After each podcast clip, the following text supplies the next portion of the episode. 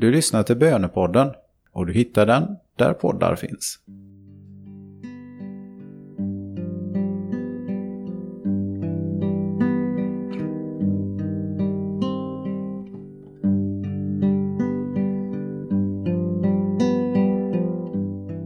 Se, vi går upp till Jerusalem i heliga fastetider. I fastetider får jag möjligheten att än en gång lägga undan allt som står i vägen mellan dig och mig, min Gud. Du som inte har undanhållit något för mig. Fyll mig med kärleken så att jag inte undanhåller något för dig.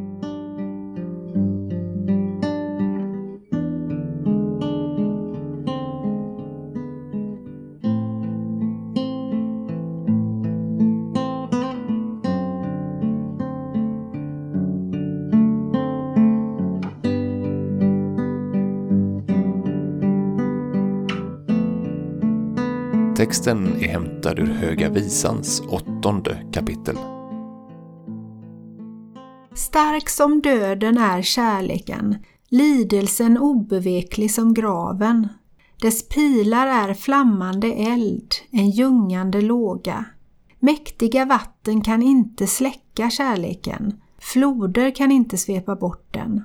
Om en man gav allt han ägde för kärleken, vem skulle ringakta honom? Om det är något som hela mänskligheten verkar tro på så är det just kärleken. Alla som har erfarenhet av äkta kärlek vet att det är en stark kraft med förmåga att få oss att göra det vi inte trodde möjligt. Kärleken kan inte förklaras. Den kan bara upplevas. Precis som Gud. Han kan inte förklaras, bara upplevas. Det är inte konstigt att Gud och kärleken hänger samman. Ja, ibland kan det vara svårt att se skillnad på dem. Om det finns någon skillnad. Gud är kärlek, säger Bibeln. Där kärleken råder, där är Gud. Hur tänker du om det?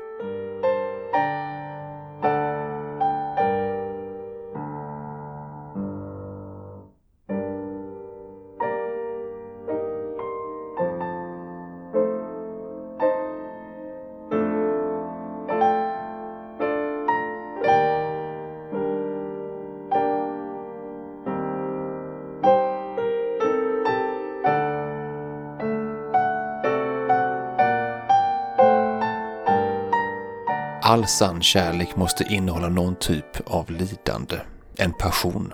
Sann kärlek vill göra allt för den älskade, vill ge allt, vill inte hålla tillbaka i längtan efter att förenas. Sann kärlek handlar alltså väldigt lite om jag och väldigt mycket om du. En sådan kärlek har Gud för sin människa. En sån kärlek har Gud för dig. Han höll inte tillbaka. Han sände sin egen son för att finna de förlorade, för att betala syndens oöverstigliga skuld som vi dragit på oss. Han spillde inte bara en droppe av sitt dyrbara blod på korset. Han gav allt. För det är vad sann kärlek gör. Den ger allt. Det är den gudomliga kärleken. Så mycket längtar Gud efter dig. Vad får det dig att känna?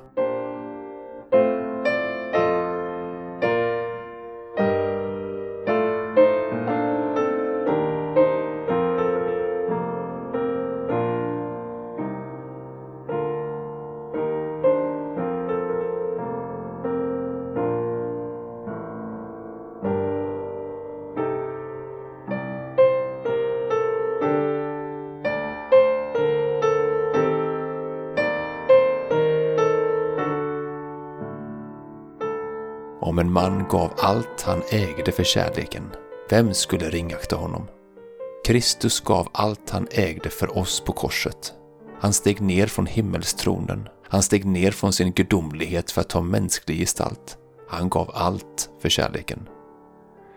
Ändå blir Kristus ringaktad i världen och ja, till och med ibland i kyrkan. Vad är det med Jesus som väcker så mycket motvilja, tror du? Vad väcker Jesus i dig?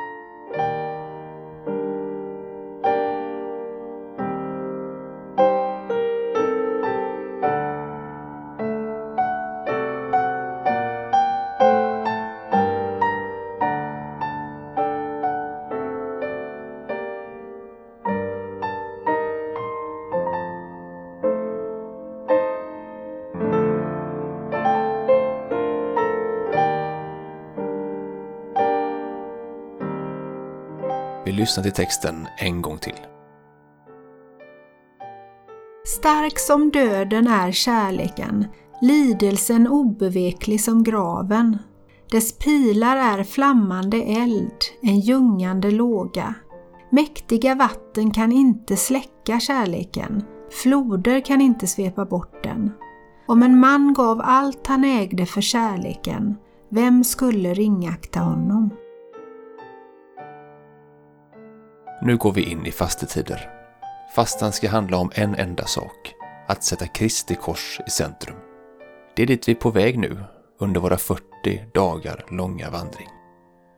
Vi ska gå korsets väg, lidandets väg, passionens väg. All sann kärlek förutsätter någon typ av offer, någon typ av lidande för kärleken.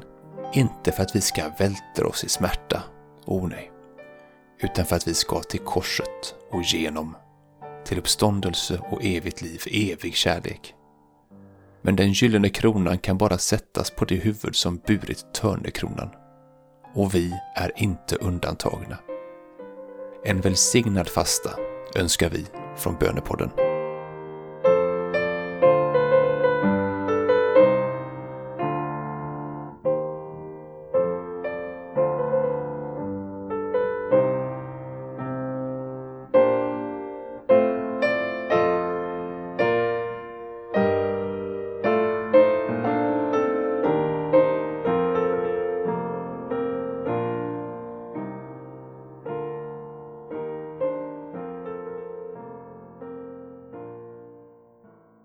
Ära vare Fadern och Sonen och den helige Ande, så som det var av begynnelsen, nu är och skall vara, från evighet till evighet.